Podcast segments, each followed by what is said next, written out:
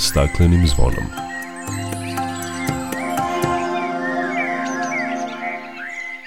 Dobar dan, dobrodošli na Zeleni talas prvog programa radija Radio Televizije Vojvodine. Ja sam Dragana Ratković. Na početku svim slušaocima koji danas slave uskrs po Gregorijanskom kalendaru čestitam praznik, a evo ukratko i sadržaja ovo nedeljne emisije. Srbija će učestvovati na globalnoj konferenciji planiranoj za jun ove godine Stockholm plus 50, zdrava planeta za prosperitet svih, naša odgovornost, naša prilika. I u sklopu priprema za konferenciju otvorene su prve nacionalne konsultacije o životnoj sredini. U vladi je predstavljena inicijativa za pravednu zelenu tranziciju i dekarbonizaciju Srbije. Govorit ćemo o uticaju hrane na ugljenični otisak i uticaju izmenjenih klimatskih uslova na proizvodnju hrane, o njivskim i gajenim vrstama na prostoru Vojvodine koje su svrstane u 230 godina stari herbarijum Andrije Volnog u Sremskim Karlovcima, o uticaju poljoprivrede na zaštitu biodiverziteta i voda jezera Palić i Ludaš. Biće reći i o trovanju divljih životinja kod Kikinde, među kojima je i jedinka orla krstaša, ptice sa nacionalnog grba. Toliko u najavi emisije, o svemu opširnije nakon pozdravne pesme. Dok priroda kraj nas plače za vladarskim svojim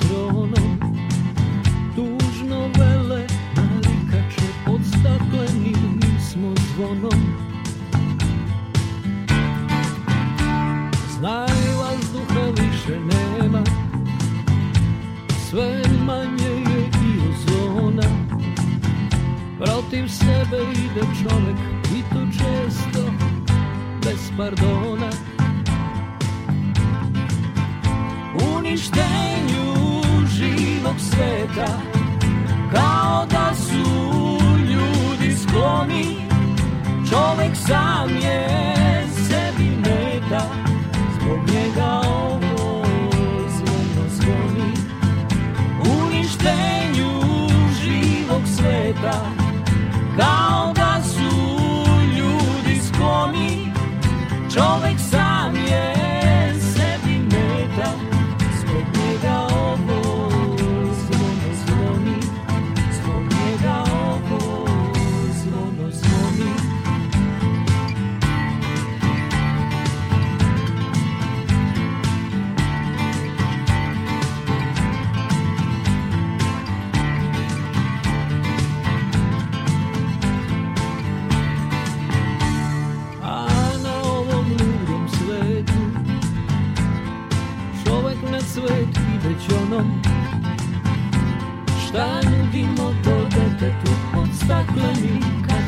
zvonom. Uništenju živog sveta Kao da su ljudi skloni Čovek sam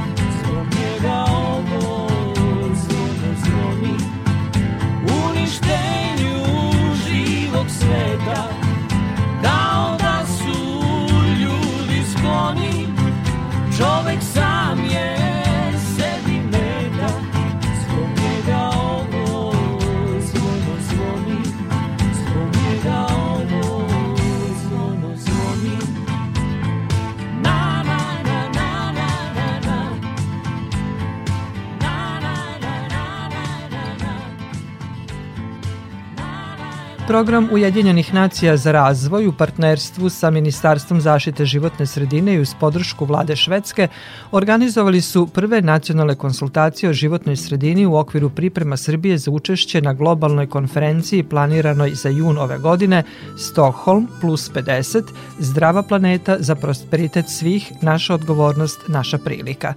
Ministarka zaštite životne sredine Irena Vujović otvorila je konferenciju na kojoj je učestvovalo više od 150 50 predstavnika državnih institucija, civilnog sektora i akademske zajednice. Ona je istakla da je Srbija posvećena ispunjenju globalnih ciljeva održivog razvoja, a zaštita životne sredine jedan je od prioriteta. Otvaranje klastera 4 u okviru kojeg je i poglavlje 27 životne sredine i klimatske promene jasan su signal da je u toj oblasti u prethodnom periodu ostvaren značajan napredak. Podsjetila je da su od 2014. usvojena 23 zakona i 200 podzakonskih akata, a da je trenutno pripremljeno još pet zakona iz oblasti zaštite životne sredine. Takođe, ministarstvo je izradilo i predlog strategije niskougljeničnog razvoja kao i predlog nacionalno utvrđenog doprinosa smanjenju emisija gasova sa efektom staklene bašte, koji je dat drugim ministarstvima na saglasnost, a pre svega Ministarstvu rudarstva i energetike, rekla je ministarka Vujović. Na događaju je predstavljena i online digitalna platforma Spark Blue, putem koje će svi zainteresovani aktivno moći da se uključe u proces nacionalnih konsultacija kako bi dali svoj doprinos, pratili tog dijaloga i ostvarene rezultate u vidu preporuka za dalje korake u unapređenju životne sredine u našoj zemlji.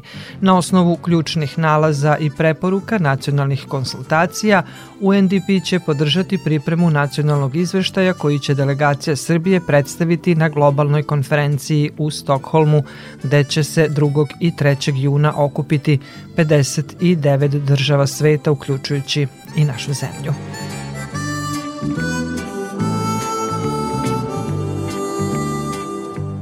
A u vladi Srbije je predstavljena nova inicijativa za pravednu zelenu tranziciju i dekarbonizaciju privrede i industrije, koju će uz finansijsku podršku vlada Japana i u partnerstvu sa Ministarstvima za zaštitu životne sredine i rudarstvo i energetike sprovoditi program Ujedinjenih nacija za razvoj. Cilj te inicijative, čija je vrednost nešto više od milion dolara, jeste da podstakne proces dekarbonizacije, odnosno napuštanja uglja kao dominantnog izvora za proizvodnju energije u Srbiji, istovremeno vodeći računa da i cena i koristi te tranzicije budu ravnomerno raspoređeni u društvu. Zelena tranzicija može da donese značajan boljitak za životnu sredinu i zdravlje ljudi, privredu i društvo u celini, ali će uticati na industriju, rudarstvo i evoluciju energetskog sektora u Srbiji. Osim što predstavlja održivo rešenje za krizu na globalnom energetskom tržištu, prelazak sa fosilnih goriva na obnovljive izvore energije kao i energetska efikasnost neophodni su kako bi se smanjile emisije gasova sa efektom staklene bašte, koje negativno utiču na klimatske promene i izazivaju globalno zagrevanje. Srbija se kao potpisnica sporazuma iz Pariza o klimi obavezala da smanji emisije gasova s efektom staklene bašte, a zelena transformacija privrede i društva, neizostavanje deo pristupanja zemlje Evropskoj uniji i istovremeno uslov da naši proizvodi ostanu konkurentni u Evropskoj uniji.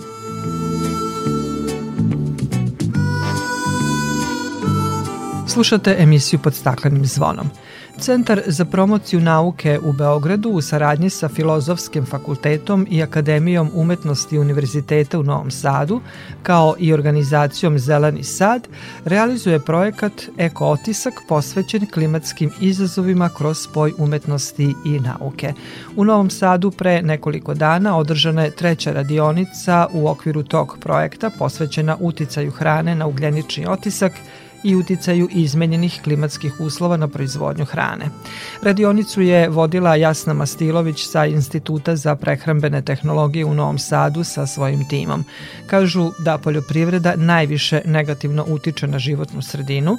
Profesorku Mastilović pitala sam u kakvoj su uzročno-posledičnoj vezi poljoprivreda, dakle proizvodnja hrane i klimatske promene i obrnuto klimatske promene i proizvodnja hrane. Evo, ipak ću vas morati demantovati, ne da poljoprivreda utiče najviše na životnu sredinu, ona utiče dosta, a to dosta je otprilike četvrtina nekog uticaja na životnu sredinu kada su u pitanju klimatske promene, pa tu se onda još dode uticaj na vode, pa uticaj e, na zagađenje i tako dalje. Znači ima tu značajnog uticaja, ali sigurno nije poljoprivreda najveći zagađivač, jer poljoprivreda istovremeno ima jedan benefit, e, odnosno biljke koje se proizvode, vrše fotosintezu i sa time regenerišu našu atmosferu, tako da poljoprivreda nekako automatski umanjuje svoj uticaj. Međutim, bez ikakve sumnje i uticaj poljoprivrede na životnu okolinu, njen uticaj na klimatske promene i na globalno zagrevanje je neosporan.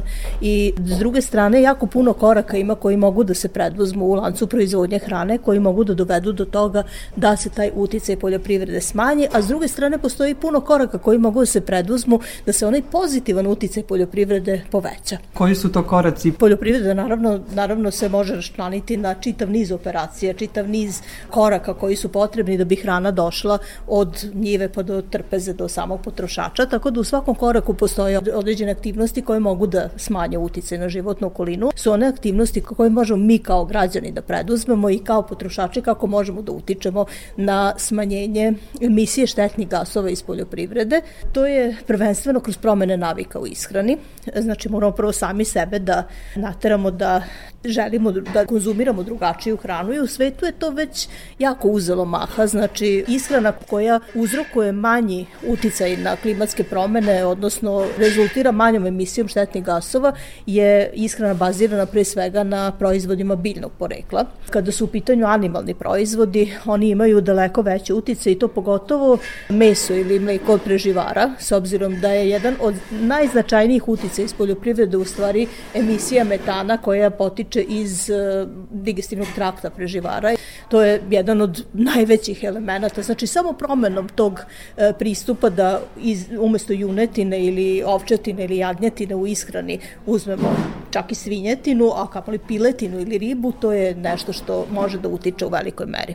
S druge strane, možemo da kupujemo lokalno. Sve ono što se transportuje, uzrokuje emisiju ugljen dioksida kroz sagorevanje fosilnih goriva i hrana se danas e, transportuje na ogromne udaljenosti i naravno te velike udaljenosti utiču na to da se emisija ugljen dioksida zbog distribucije hrane značajno povećava. Takođe nešto što je bitno je da u poljoprivredi primjena azotnih đubriva. U velikoj meri utiče kroz otpuštanje azotnih oksida u, u atmosferu na povećanje koncentracije tih gasova staklene bašte koji uzrokuju globalno zagrevanje, tako da i smanjenjem korišćenja azotnih đubriva, odnosno prelaženjem na mere organske proizvodnje, gde mi kao potrošači možemo da povećamo zahteve za takvom proizvodnjom i izvršimo pritisak na proizvođače da se takva hrana proizvodi, je isto jedan jedan element kroz, kroz koje možemo uticati i kao potrošači. Naravno, sve ovo podrazumeva i veliku akciju od strane proizvođača hrane i od farmera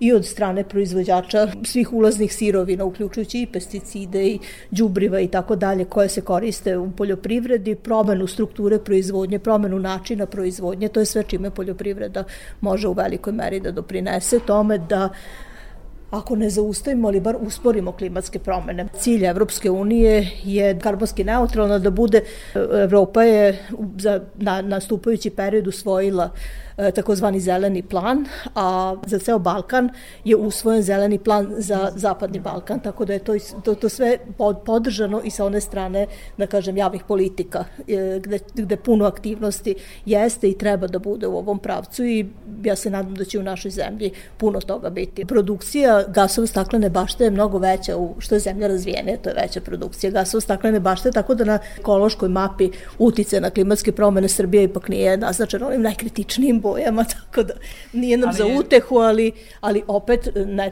treba da budemo svesni da puno toga možemo da uradimo. Ali uticaj klimatskih promena na ovom području gde se nalazimo mi i tekako Tačno, to je, to je druga priča. Panonski bazen, odnosno Dunavski bazen je jedno od područja Evrope koje je najviše izloženo klimatskim promenama. To su neke prognoze do 2050. godine za 3,5 stepena da će biti toplije. Već i sad Kada dođemo, posledice. I pre 2005. godine je bilo elemenata gde se sagledalo gde, što kroz utice utice na same useve, što na, kroz utice na ekosisteme koji se menjaju. Znači tu se poboljšavaju se uslovi za razvoj različitih štetnika u poljoprivrednoj proizvodnji, počev od insekata. Verovatno su mnogi svesni toga, pogotovo oni koji žive u prigradskim područjima, koliko su se namnožile one bube koje se zovu smrdljivi matin ili smrdi bube, to su stenice u stvari. Tako da još 2004. je bila najezda stenica koje oštećuju pšenicu gde građani toga nisu bili svesni jer smo mi što se proizvodnje žita deficita tiče više nego samo dovoljno, imamo značajne viškove, pa se to nije osetilo u nestašici, ali je jako veliki problem bio u mlijsko-pekarskoj industriji, jer je toliko bila oštećena pšenica da nije mogao da se napravi hleb. Uvozile su se količine i negde 5-6-7 narednih godina se trošila ta količina koja je bila tehnološki oštećena. Isto je što se tiče poljskih plesni i produkcije mikotoksina. Imali smo par incidenata u nekoliko prethodnih godina gde je dolazilo do prekomernog razvoja poljskih plesni koje su štećivale kukuruz, štećivale pšenicu. To je već, to je već veliki problem zato što e, poljske plesni produkuju mikotoksine, to su kumulativni otrovi koji mogu da imaju dugoročne posledice na ljudsko zdravlje, tako da je to zaista nešto o čemu se mora voditi računa, na život se može iz korena promeniti zbog klimatskih promena. Mislim, to je ono što, što se tiče poljoprivrede, ali svesni smo toga i da svi ovi ekstremni vremenski uslovi koji istovremeno utiču i na useve i na životinje i na poljoprivrednu proizvodnju, utiču i na nas same, da ljudi ostaju bez domova, da su te poplave koje dolaze, ogromna nevremena, ti ekstremni vremenski uslovi, to su praktično sve posledice klimatskih promena i kažu negde kad pređe 5 stepeni ta razlika na predindustrijski period, da će ti ekstremni vremenski uslovi nekad biti toliko razorni da postanu nepovratni. Ovo što se sad dešava još može da se popravi. Naravno, nekom ko je sve izgubio ili ko je izgubio nekog najmilijeg, teško nešto može da se popravi, realno naš život i dalje ide nekim tokom na koji smo navikli, ali pretnja je, ja mislim, mnogo veća nego što većina građana razume i na tome mislim da treba puno raditi, da svi kao pojedinci, bilo profesionalno, kroz naš, naše radno angažovanje, bilo kao građani utičemo na to da učinimo sve što je moguće da zaustavimo klimatske promene. Da, da usporimo klimatske promene, ali na neki način da se adaptiramo. E, govorili smo o ekološkom otisku poljoprivrede na životnu sredinu, uticaju klimatskih promena na proizvodnju, a kada proizvedemo tu hranu koja dođe na trpezu, velike količine se ipak bace, opet završe na deponi i to opet na neki način Tako utiče je, na klimatske promene. Malo pre sam spomenula, organska proizvodnja ima daleko manju emisiju štetnih gasova po hektaru. Međutim, organska proizvodnja daje manje prinose. Znači ona mora da zauzme veće površine. Što veće površine zauzima poljoprivredna proizvodnja gde se koriste i pesticidi, i herbicidi, i đubriva i tako dalje. Sve više i više se uklanjaju šume koje su pluća planete i koje, koje praktično absorbuju taj ugljen dioksid koji ipak čini 80% gasova e, staklene bašte koji izazivaju klimatske promene. Tako da, da praktično svaka količina hrane koja se proizvede a ne bude konzumirana, praktično to je zauzeta poljoprivredna površina, e, sklonjena neka šuma, smanjena fotosinteza, smanjena produkcija kiselnika koji nam je svima potreban i do, doprinosi se praktično daljem narušavanju sastava atmosfera, odnosno pojačavanju efekta staklene bašte. U tom smislu puno treba raditi na tome da ne bacamo hranu, da sami kao potrošači možemo puno na tome uraditi. Od toga da bolje planiramo nabavke, da planiramo kako ćemo da utrošimo neke preostale namirnice, da recikliramo, da ne dozvolimo da se nešto pokvari, da ne dozvolimo da nečemu istekne rok trajanja. To je ono što možemo da uradimo kao sami potrošači. Naravno, puno hrane ima i koja se baca iz samog lanca snabdevanja pre nego što stigne do potrošača hrana koja se pokvari zbog neadekvatnih uslova skladištenja, zbog neadekvatnih tržišnih tokova. Takođe, puno hrane ima na tržištu koja istekne rok trajanja i ta hrana je praktično bespovratno izgubljena, a u nju je uloženo ne samo poljoprivredno zemljište, nego sve ono što u lancu snabdevanja hranom od prerade i svih onih e, produkcije gasova u samoj preradi, električne energije, energije, transport električne energije, voda je potrošena, vozila su išla, prevozila hranu do tog nega, nekog megamarketa gde je istekao rok trajanja, znači to je ogroman, ogroman doprinos klimatskim promenama i na kraju to i završi kao otpad, a ta đubrišta su produkuju nepoželjne gasove od metana pa nadalje, prema tome nešto što svakako moramo uraditi u pravcu sprečavanja klimatskih promena, odnosno njihovog usporavanja ili zaustavljanja jeste da vodimo računa i o tome da hrana ne bude bačena s jedne strane nešto možemo uraditi kao građani, ali jedan veliki broj mera mora ipak poteći od donosilaca javnih politika, što znači mora se obezbediti i zakonska regulativa i podrška kroz laboratorijske analize, kroz sertifikaciju, kroz proveru, jer tu je jedan veliki problem kada se hrana distribuira potrošačima e, iz lanca vrednosti, znači hrana koja bi završila kao otpad, moraju se preduzeti mere da se garantuje da je ona bezbedna, jer ipak je osnovno pravo potrošača, bez obzira koliko on bio siromašan ili bogat, koliko god mogao sebi da priušti ili ne priušti neku hranu i koliko god mu neka donacija je bila potrebna, on ima pravo na to da hrana koju jede bude bezbedna i to je obaveza zakonodavca da stvori sistem da, ta, da, da se ta hrana može prekontrolisati, da bude bezbedna, ali i sistem neke i ekonomske podrške uh, da hrana koja, koja se donira ne bude opterećena nikakvim taksama, porezima ili bilo čime što bi moglo možda sprečiti dobru volju nekoga da hranu donira i da pomogne onome kome je najpotrebnije. Da, u tom smislu trebamo raditi i na podizanju svesti samih građana da menjaju svoje navike, ali i donosilaca odluka Mislim da je to jedna od, od važnijih stvari. Mi kao građani možemo da damo svaku svoju kapljicu, da do, mhm. doprinesemo da se ta čaša pozitivnih uticaja e, na sprečavanje klimatskih promena puni polako, ali mi sami ne možemo uraditi sve. Mislim da je jako važno, jako puno toga i do zakonodavaca i puno se o tome priča. Ja se nadam da će, da će akcije koje širom sveta se dešavaju, firme čitave počinju se bave, da bave time da spašavaju praktično hranu i da je dostavljaju. Ja se nadam da će to i kod nas da zaživi i da će, da će se naći optimalna rešenja da zaista učinimo i dobro delo, a da pomognemo i tome da takva hrana koja se baca ne bude jedan nepotreban doprinos klimatskim promenama. Da. Hvala vam najlepše. Hvala vama.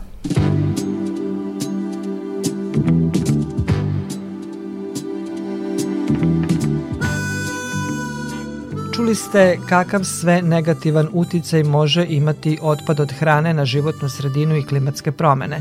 Prema procenama u Srbiji se dnevno baci 2 miliona kilograma hrane, dok pola miliona ljudi ne može da zadovolji osnovne životne potrebe. Čak 60% otpada od hrane završi zajedno sa komunalnim otpadom na deponiji i zato je zadatak svakog od nas da brinemo o hrani i brinemo jedni o drugima jer je mnogo onih koji su gladni. To je poručio Željko Mitkovski, menadžer projekta u fondaciji Ana i Vlade Divac Spasimo hranu, spasimo humanost, koji je učestvovao u radionici Eko otisak u Novom Sadu. Upravo iz tog razloga je Fondacija Ana i Vlade Diva zajedno sa partnerima iz Koalicije za dobročinstvo prošle godine isprovela kampanju Spasimo hranu, spasimo humanost, kroz koju smo pozivali građane da nauče kako da smanje količinu hrane koju bacaju s jedne strane, s druge strane kako bismo zajedno sa partnerima i marketima uključili građane i povećali donacije hrane za najugroženije stanovništvo, s obzirom da u Srbiji prema procenama za 2019. godinu 446.000 ljudi ne može da zadovolja osnovne životne potrebe, što znači da na mesečnom nivou raspolažu iznosom od 12.695 dinara ili manje. Kroz ovu kampanju koja je trajala tri meseca uspeli smo da prikupimo 70 tona hrane za najugroženije stanovnike širom naše zemlje i ta hrana je bila vredna 13,6 miliona dinara. Ono što takođe, da kažemo, predlažemo jeste da se ukine PDV na donacije hrane s obzirom da bi ukidanje PDV-a u skladu sa smernicama Evropske unije povećalo donacije za 160 miliona dinara na godišnjem nivou i to bi takođe doprinalo, da kažemo, borbi protiv siromaštva. Evropska unija je sprovela jedno istraživanje s obzirom da egzaktni podaci o količini otpada koja se baca na teritoriji Evropske unije još uvek ne postoje, ali je usvojena metodologija tako da ćemo ove godine saznati koliko je hrane bačeno tokom 2020. godine u Evropskoj uniji, ali jedno istraživanje pokazalo da građani Evropske unije bace čak 88 miliona tona hrane, odnosno 173 kg po glavi stanovnika godišnje, što je strašno. I onda Evropska unija izdala 2017. godine smernice za doniranje hrane kroz koje poziva zemlje članice da ukinu PDV na donacije hrane zato što je trenutno prema našim propisima kompanijama praktično jeftinije da sačekaju da hrani istekne rok i da tu hranu bace bez plaćanja PDV-a umesto da je neposredno pred istek roka trajanja mogu donirati najugroženijim građanima. To je jedan smer delovanja Evropske unije, a drugi se odnosi na same rokove upotrebe s obzirom da građanima Evropske unije pa ni Srbije nije jasna razlika između roka upotrebe upotrebljivo do i najbolje upotrebiti do. Dakle, namirnice koje su deklarisane upotrebljivo upotrebljivo do se ne smeju koristiti nakon tog roka, dok Evropska unija sad u velikom broju zemalja isprovodi kampanju kroz koju edukuje građane kako hrana koja je prošao rok najbolje upotrebiti do zapravo samo gubi svoja svojstva, možda će keks biti manje hrskav ili će a, možda kafa ovaj, imati nešto manji nivo kofeina ili će vitamin C se smanjiti u nekom soku, ali dalje bezbedno za upotrebu, tako da se ide u tom smeru da se građani informišu o toj značajnoj razlici između ova dva roka, a trenutno je u, na teritoriji Evropske unije u toku jedan konsultativni proces, tako da će Evropska unija sredinom 2023. čak možda i revidirati ova pravila gde će jedna od opcija jeste da se rok najbolje upotrebiti do potpuno izbaci s obzirom da 50% stanovnika ne pravi razliku između ova dva roka ili će se možda čak e, rok trajanja ukloniti sa nekih namirnica poput testenine, šećera i sličnih stvari gde zapravo ono što mi kod kuće prebacimo neku času pa više ne gledamo rok, tako da Evropska unija razmatra da se zapravo na tim proizvodima rokovi više i ne nalaze. Ono što je naš zadatak ovde jeste da ukažemo na sve ove probleme na kojima i mi možemo da radimo, da damo svoj doprinos, možemo smanjiti količinu hrane koju mi bacamo na nivou nas kao pojedinca, našeg domaćinstva, naših prijatelja i takođe možemo povećati donacije za najugroženije stanovništvo, tako da pozivam još jednom sve da prate akcije u marketima koje se često organizuju, koje organizuju partnerske organizacije banke hrane kako bi prikupile donacije hrane za naše najugroženije stanovnike.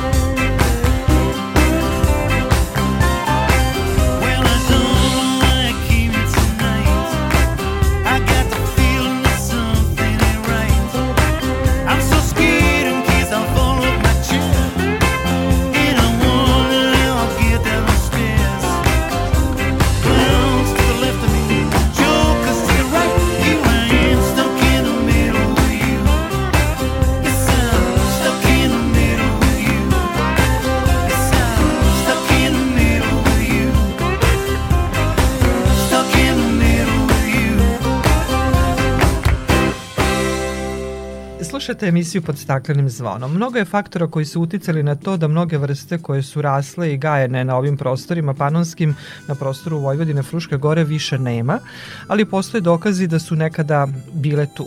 Karlovačka gimnazija, pored toga što nosi titulu najstarije u našoj zemlji, pod svojim okriljem čuva pravo botaničko blago, Volnijev herbariju, najstariju herbarsku zbirku na području Balkana koja datira iz 18. veka, koja čuva mnoge njivske i gajne vrste sa ovih prostora. Koje su to vrste? To će nam reći Milica Rat, naučna saradnica Departmana za biologiju i ekologiju Prirodno-matematičkog fakulteta u Novom Sadu. Milice, dobrodošli na Talase Radije Novog Sada. Bolje vas našla. Vi ste održali jedno predavanje nedavno u Matici Srpskoj upravo o temi njivske i druge gajene vrste u 230 godina starom herbarijumu Andrije Volnog. Koje su to vrste koje su nekada bile i koliko je to značajno da imamo jednu takvu zbirku? Moram samo da kažem da smo mi ovo predavanje spremali specijalno za ovu dodru nagrada za uh, najbolje mlade istraživače, odnosno naučnike na poljoprivrednom fakultetu i zapravo cilj je bio da pokušamo da saznamo da li u herbaru postoje i neke druge vrste koje su od značaja, da nisu samo vrste koje su redke, koje su endemi ili one koje imaju, da kažemo, veliki biološki značaj, a koje istovremeno nisu ni vinove loze o kojima se sad već dosta priča. Profesor Rudolf Kastor je zapravo mene postavio pitanje da li znam da li se u herbaru čuvaju možda neke sorte pšenice koje su se gajale u Sremu i okolini Fruške gore, Sremske Karlovaca u to vreme. I ja zaista moram da budem iskrena da kažem da ja nisam o tome ni razmišljala i da sam samo pregledom neke baze koja je nama zapravo dostupna shvatila da se u kolekciji nalazi čak osam listova pšenice, odnosno roda triticum, koji je sakupljen u periodu 1820. i 1822. godine. To zapravo jeste nastavak rada Andrije Volnoga, jer on u to vreme već otišao iz Sremskih Karlovaca, ali nam potvrđuje da su njegovi naslednici vrlo vredno nastavili njegov posao i ono što je on započeo, a to jeste obrazovanje ne samo učenika u školi Karlovačkoj, nego i ljudi i poljoprivrednika koji su živeli u Karlovcima i u okolini. I ove pšenice su nama možda stvarno interesantne, jer danas u 21. veku mi volimo da se vraćamo nekim starim vrednostima i da koristimo neke stare sorte i da kažemo da se hranimo zdravo i da je sve češće na našim policama u supermarketima durum pšenica prisutna i da mi volimo da kupimo durum pšenicu, iako možda većina stvarno ni ne zna niti poreklo, niti kako se zove i tako dalje.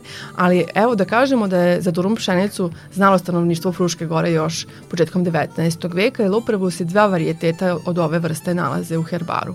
Osim toga se tu nalaze naravno naravno i ove da kažem najčešća tritikum estivum, odnosno ozima pšenica sa nekoliko svojih varijeteta i neke druge ovako nama koji nismo ljudi koji se bave stranim žitima manje poznati varijeteti, ali ukazuju da zapravo jeste i ovaj deo kolekcije veoma važan. Koliko je važno e, postojanje ove herbarske zbirke i takvi nalaze, dakle očuvane biljke za naučno-istraživački rad? Pa pokazalo se i svaki dan se potvrđuje da je to zapravo nešto što je nama danas veoma interesantno.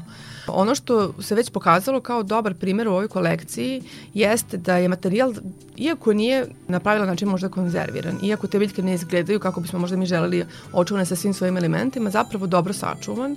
I ono što, što je negde jeste nama težnja, da osim toga što ćemo da znamo šta je raslo pre 200 i više godina na ovom području, zapravo taj biljni materijal možda iskoristimo u budućnosti za neke naučno istraživačke projekte koji će se ticati recimo molekularne karakterizacije tih sorti i onda njihovo upoređivanje sa savremenim sortom i da vidimo zapravo da li možemo izvučemo neke najbolje koristi od njihovih podataka, znači gde su rasle, kako su rasle, pod kojim klimatskim uslovima ili kako može da osavremenimo naše današnje sorte koje se koriste.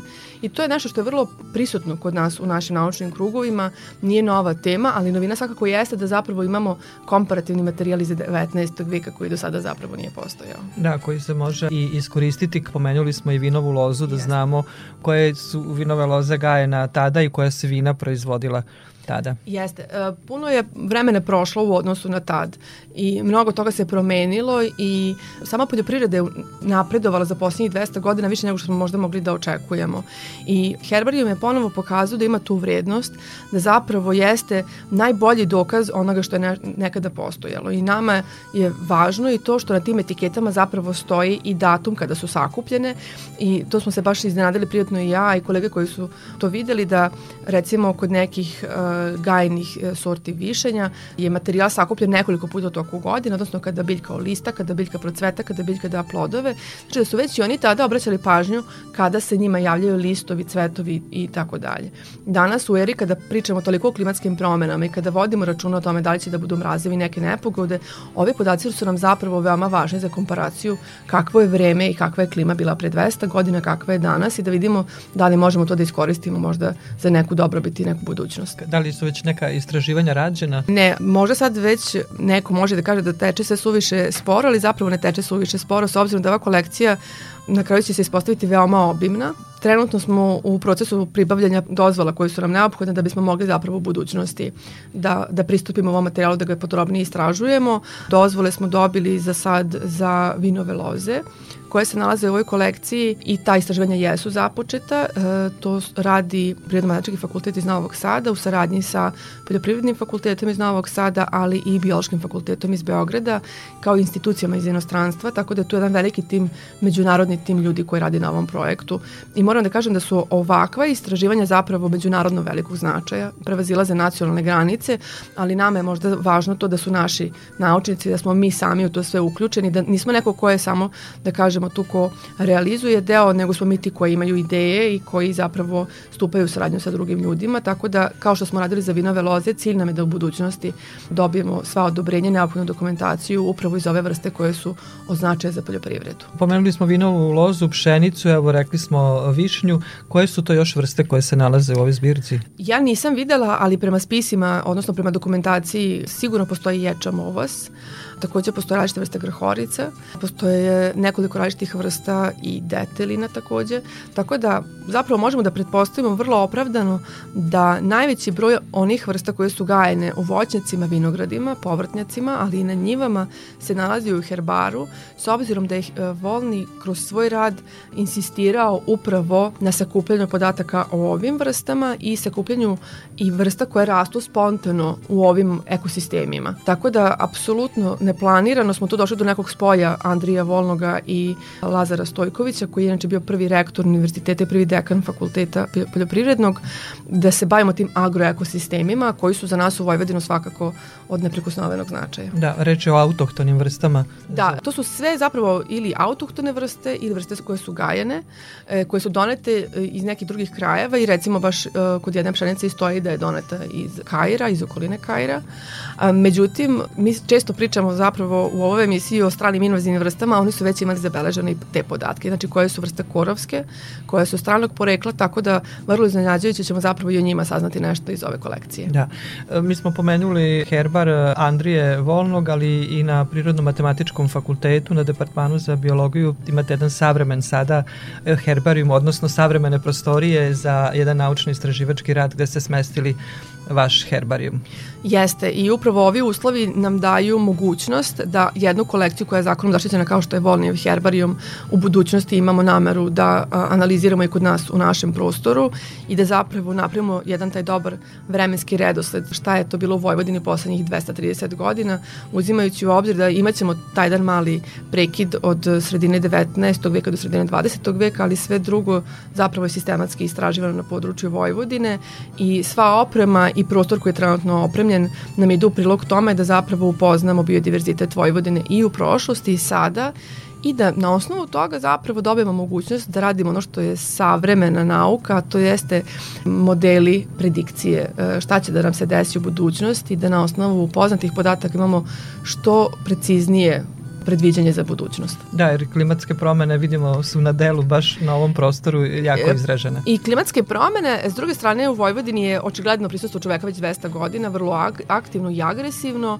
i zapravo upotrebom ovakvih podataka i prostornog plana Vojvodine nekad i sad možemo da kažemo zapravo uh, koja su to područja koja su nam od značaju na, u Vojvodini, koja zapravo treba zaštititi ili koja treba da budu manje pod aktivnostima čoveka ugrožena i da na taj način sa sačuvamo i biodiverzitet, ali i agrobiodiverzitet koji, od kog mi u velikoj meri zapravo zavisimo. I divno je što imamo takve podatke koje se čuvaju u herbarijumu i zaista se pokazalo da je herbarijum u stvari nešto što e, daje osnovu upravo ono o čemu ste rekli da sačuvamo to sve, ali i za naučno-istraživački rad kako bi u budućnosti mogli i da očuvamo one vrste koje su već sada možda ugrožene.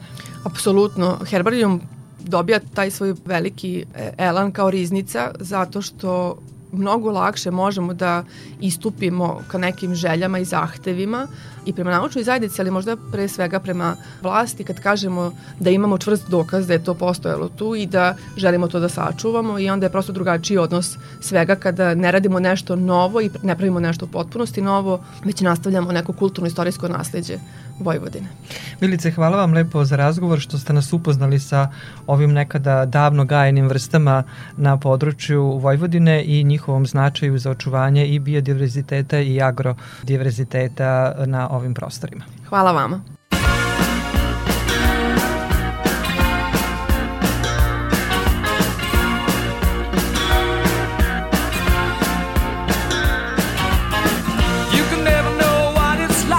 Your blood like winter freezes just like ice And there's a cold and lonely light that shines from you You wind up like the wreck you hide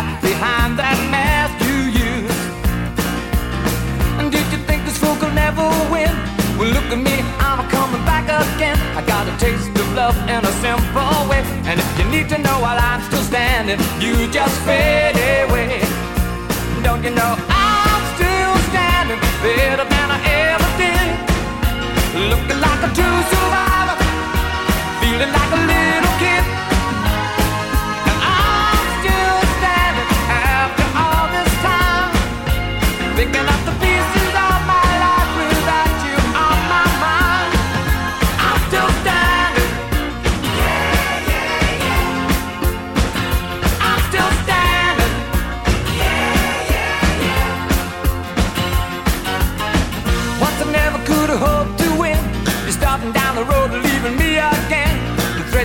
Made were meant to cut me down. And if my love was just a circus, you'd be a clown by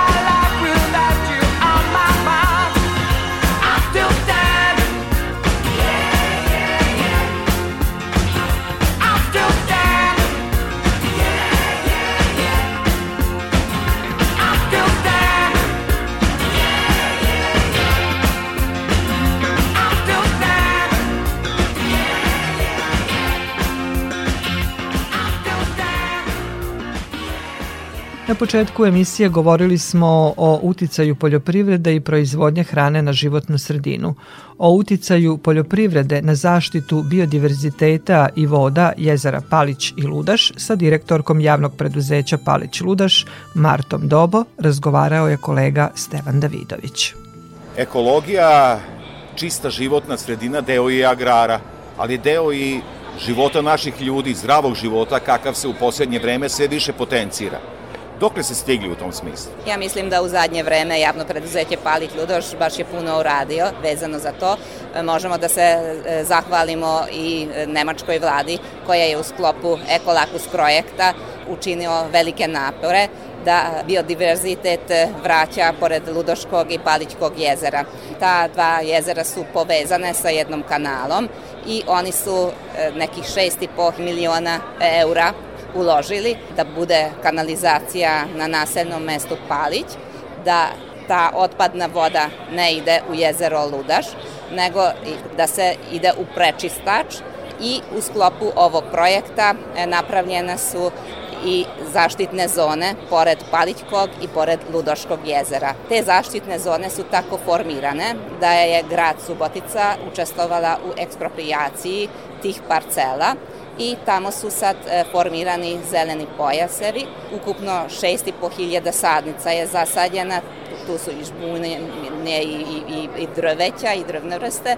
E, napravljene su letnjikovci, imamo kule i platforme za posmatranje i na Paliću na istočnom i na zapadnoj obali četvrtog sektora Palićkog jezera napravljena pešačka biciklistička staza i ta staza isto jako je sad e, često posećena.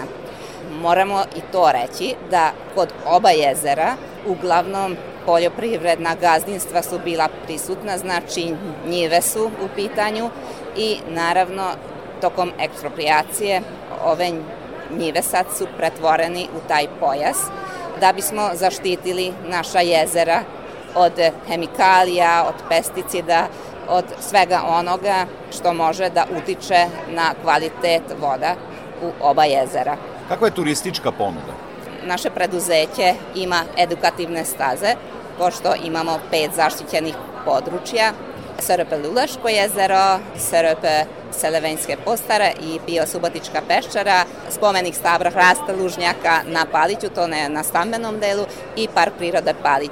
Uglavnom, mi smo najprepoznatljivi na tom park prirode Palić, gde je i taj veliki park e, e, smešten i koja je često posećena sa strane turista. Međutim, kažem, kako, kako je formirana ovaj zaštitni pojas i ova, ove staze, sad e, posetioci imaju priliku da naprave jedan krug pored Palićkog jezera, pored četvrtog sektora. I onda imaju mogućnost da posmatraju ptice, da malo uživaju u čari prirode i onda naravno pored toga mogu da vide i te njive na kojima se radi, odakle nam potiče taj bogatstvo da imamo šta da stavimo na sto. Znači, ovako se povezujemo sa poljoprivredom. Za kraj razgovora, koliko su poljoprivrednici svesni da su povezani sa ekologijom i da je to jedan zatvoreni sistem. Koliko radite na njihovoj edukaciji i koliko vam pomaže? Stalno, svake godine, naši čuvari zaštićenih područja idu kod njih i da kako da se ponašaju na, na tim obalnim e, područjima, jer e, oni su za saradnju, samo ponekad ni sami nisu svesni toga da ono što eventualno imaju naviku da, da rade, sa tim kako utiču na, na prirodno stanje. Znači, možemo da se pohvalimo da imamo izuzetno dobru saradnju sa njima, ali treba puno strpljenja i puno vremena da se provodi i da se edukuje Znači, edukacija je prvenstveno jako bitna, jer kroz e, tih razgovora možemo doći do efikasnih rezultata. Veliko hvala za ovaj razgovor. Hvala i vama.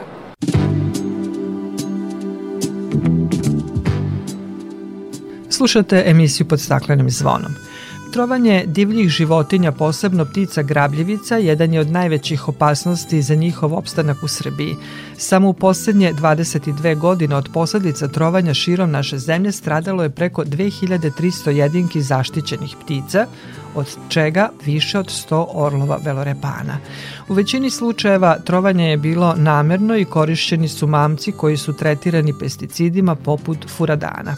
Ove godine, nakon slučaja trovanja u Vršcu, pronađene su otrovane divlje životinje i kod Kikinde.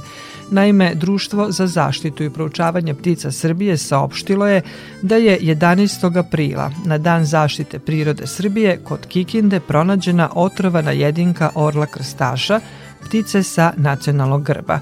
Orlove krstaše većina građana doživljava kao nacionalni simbol i zabrinuta je za njihov opstanak, a slučaj otrovanog krstaša kod Kikinde uznemirio je građane na severu Banata, jer su pre nekoliko godina u Srbiji zabeležene svega dve jedinke. Volonteri Društva za zaštitu i uproučavanje ptica nekoliko godina čuvaju gnezda te kritično ugrožene vrste, što je doprinelo da orlovi, već poznati, Boro Jeržika, od 2017. do 2021. godine uspešno podignu sedam mladunaca, te da se u okolini pojave i novi orlovski parovi. Osim orla krstaša, otrovano je više divljih životinja. Šta su ustanovili na terenu i šta su preduzeli, govori Slobodan Knežević iz Društva za zaštitu i proučavanje ptica Srbije. Ono što je ovde evidentan problem jeste da neko krši zakon tako što u okolini Kikinde razbacuje zatrovane mamce. To je strogo zakonom zabranjeno i ono što je ovde evidentan problem jeste da mi do sada nismo imali sankcionisane ljude koji se time bave. Ono što su naše kolege zatekle na terenu jeste da su upravo ostaci jednog fazana bili zatrovani, razbacani u okolini Kikinde i ono što smo mi zatekli na terenu jeste da je pronađeno otrovano jedan šakal, dve lisice, sedam gačaca, jedna čavka, šest eja močvarica, jedna lasica, jedan krstaš i pomenuti fazan koji je bio zatrovan. Govorimo o jednoj ekološkoj katastrofi, o zločinu protiv prirode. Mi smo obavestili sve nadležne državne institucije, Pokrajinski zavod za zaštitu prirode Srbije, Inspekciju za zaštitu životne sredine, fitosanitarnu inspekciju, policiju, tužilaštvo i sada je zaista ovaj, da kažemo, vruć krompir e, na teritoriji institucija da obaveste i javnost e, ko to truje divlje životinje i ko je prosto se usudio da uništi nešto tako vredno za, za ovu državu, a to je orao krstaš. Ja ću napomenuti da se na teritoriji severnog Banata nalazi naša celokupna populacija orlova krstaša. Pet gnezdećih parova trenutno se nalazi u izuzetno velikom riziku od trovanja. Još 2015. pokrenuta je kampanja protiv trovanja ptica grabljivica, a povod za tu inicijativu bila su česta trovanja strogo zaštićenih životinja kao posledica trovanja pesticidima. Ipak trovanja se dešavaju svake godine, ali niko zato još nije odgovarao. O tome šta je problem, Slobodan Knežević kaže.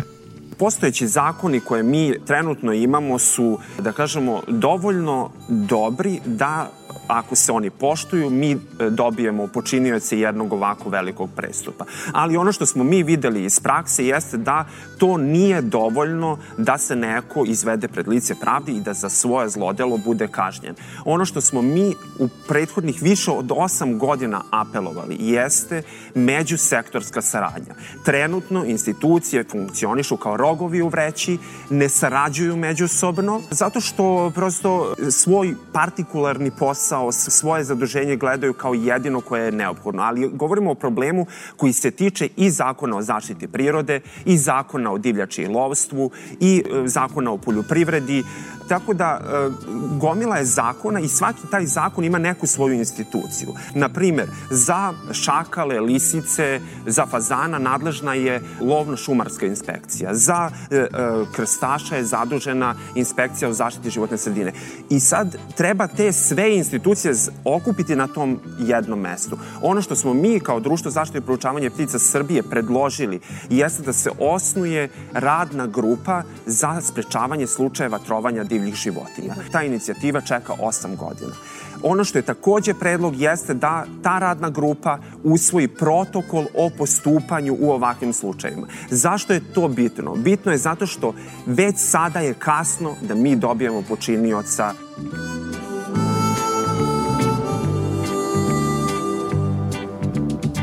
Toliko za ovo izdanje emisije pod staklenim zvonom koju možete slušati i odloženo na podcastu Radio Televizije Vojvodine na adresi rtv.rs.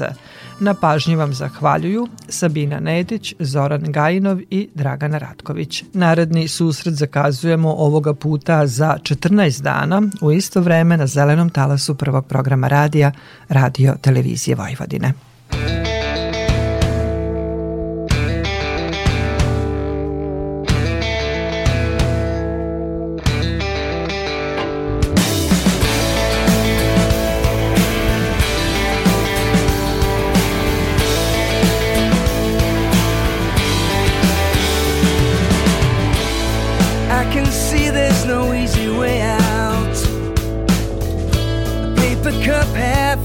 Gin. Behind the wheel of a Lincoln Continental, driving down your street again. I take your ghost out on the freeway, outrun the memory of your leaving. A thousand miles till the daybreak over Tulsa, when no one's heard about you. Cause one of these days, you're gonna be with somebody, and I, I don't wanna hurt no one. Gonna let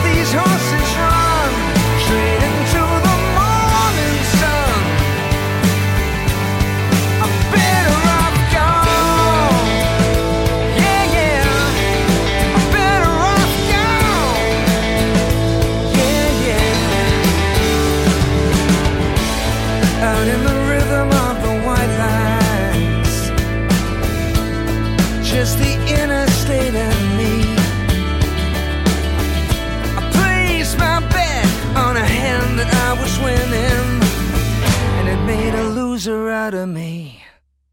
Cause one of these days.